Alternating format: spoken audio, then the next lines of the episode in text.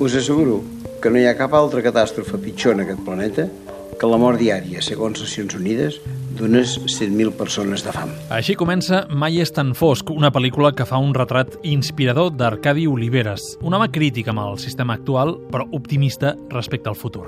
El documental, entre la radiografia de la persona, l'activista i de la necessitat de lideratges que tenim per transformar la realitat, l'ha dirigit Erika Sánchez. Mai volia volia que fos una biografia ni un documental militant del discurs de l'Arcadi, o sigui, tot va començar per unes gravacions que jo havia de fer d'un seminari que impartia l'Arcadi que em van encarregar i ahir és quan vaig detectar que podíem anar més enllà i que tenia moltes ganes a part de passar-me dies i estones compartides amb l'Arcadi. Una mirada, sens dubtes, cinematogràfica, directa, natural, melancòlica, evocadora i entranyable. És d'aquelles pel·lícules que ajuden a despertar la consciència, però l'Arcadi Oliveres, que evidentment no vol sentir-se exemple de res, no acaba d'estar d'acord amb la meva teoria de la necessitat que tenim de lideratges. No convergaria massa amb aquesta idea de sedegats de lideratge. Sí que, evidentment, els lideratges eh, sempre tenen el seu impacte, però jo diria que avui en dia, sobretot a partir de les noves tecnologies,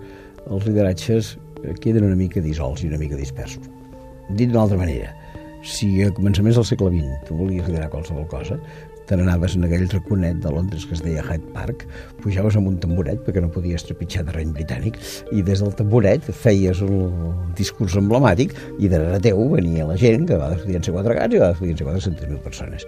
Avui en dia no et cal anar a Hyde Park. Eh, pots escriure una pàgina web, pots tenir un blog, pots explicar coses i la gent eh, et segueix.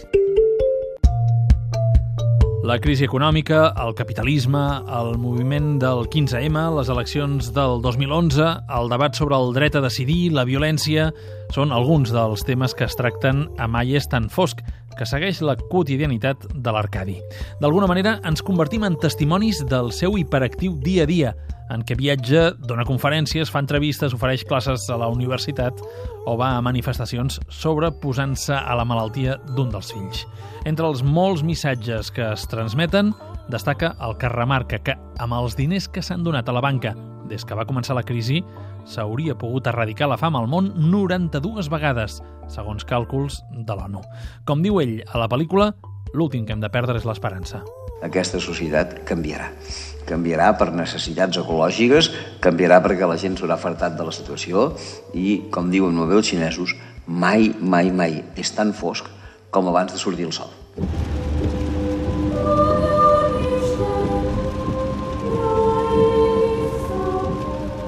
Pregunta evident. Com es porta això de tenir un seguiment de càmera tan exhaustiu constantment? El que em va incomodar potser va ser la proposta de fer la pel·lícula, que en part va sortir dels meus companys de Justícia i Pau, que fa molts anys que em coneixen i que van dir, home, aquest discurs que vas fent seria bo que fos difós i que altra gent ho conegués.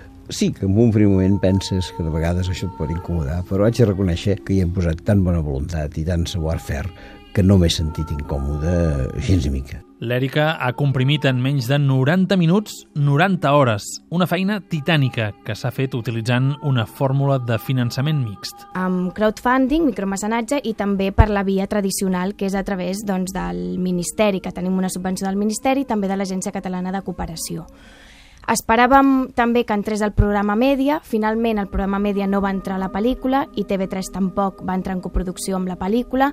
Això va desestabilitzar una mica a nivell econòmic el procés de rodatge, llavors vam haver de llançar una altra campanya de crowdfunding que també va funcionar molt bé, és a dir, les dues campanyes de crowdfunding vam superar sempre els diners que demanàvem. Mm -hmm. I se sent afortunada. Jo he tingut molta sort que la productora executiva, la Daria Esteve, ha posat capital seu perquè la producció es pugui dur a terme i amb la qualitat.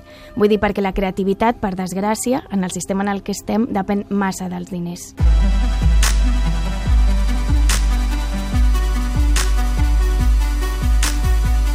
Mai és tan fosc es projecta de manera gratuïta al BCCN, un festival que s'allunya dels models tradicionals d'explotació comercial i demostra que això no és sinònim de pel·lícules de mala qualitat, tot el contrari. L'Andreu Meixide, codirector del BCCN, ens explica què cal per afrontar la dura realitat del sector. Escoltar i perdre les pors a escoltar i obrir una mica l'oïda i la mirada a que mm, el que no, estàs, no has fet durant molts anys no vol dir que estigui malament, vol dir que és una, una altra manera de fer i que entendre que qualsevol moment de canvi, com estem vivint, no a nivell al cinema, sinó a nivell social, qualsevol moment de canvi, ha de tenir unes eines eh, que ens permeten com a societat comunicar-nos diferent, segurament també afecten, eh, com han afectat a totes les disciplines, doncs també al cinema. I hem de fer que sigui en positiu perquè mi, eh, repercuteixi en positiu per la majoria de la ciutadania. I afegeix una reflexió oportuna. Quan parlem de, de que el cinema està en crisi, és una cosa que hem parlat, perquè tothom està en crisi, quan parlem d'això, jo crec que caiem en una confusió molt habitual, que és parlar de cinema quan en realitat crec que ens estem referint a sales de cinema o a una indústria del cinema determinada. El cinema no està en crisi, el cinema de fet ara mateix al nostre país està més viu segurament i amb més capacitat i gent amb més capacitat de fer coses interessants que hem tingut mai. No hem tingut tantes possibilitats mai. Ara hi ha un model determinat d'indústria, hi ha un model determinat d'exhibició, que és la, la sala concreta física de cinema, que no ha evolucionat en 80 anys, que bueno, no, no negaré que segurament estan en crisi si posem balances a la taula. Tot plegat tocant amb els peus a terra. No, no hem vingut aquí a fer cap missatge de salvació, hem vingut aquí simplement a dir investiguem altres maneres de fer que potser ens vagin bé a una majoria de gent, si a veure si existeixin. I això està començant a caminar, o sigui, és, unes noves maneres de fer que acaba de néixer. No és una cosa que porti 100 anys sí, sí, de desenvolupament sí, sí. com era el cinema uh -huh. de copyright, que portava 100 anys i que havia funcionat molt bé una determinada època, però ara segurament no encaixa del tot.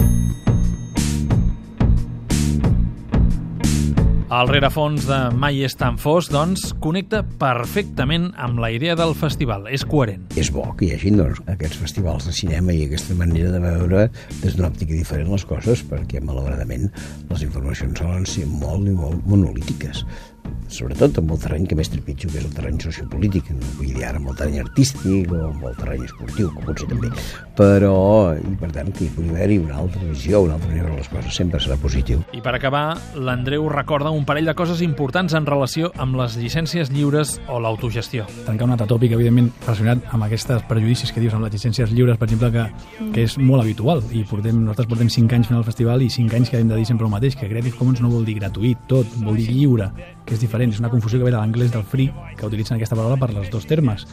I lliure vol dir que hem de buscar sistemes d'autogestió o autosuficiència, millor dit, econòmics, que permetin que aquella pel·lícula, aquell coneixement, aquella petita part de cultura arribi a la ciutadania lliurement.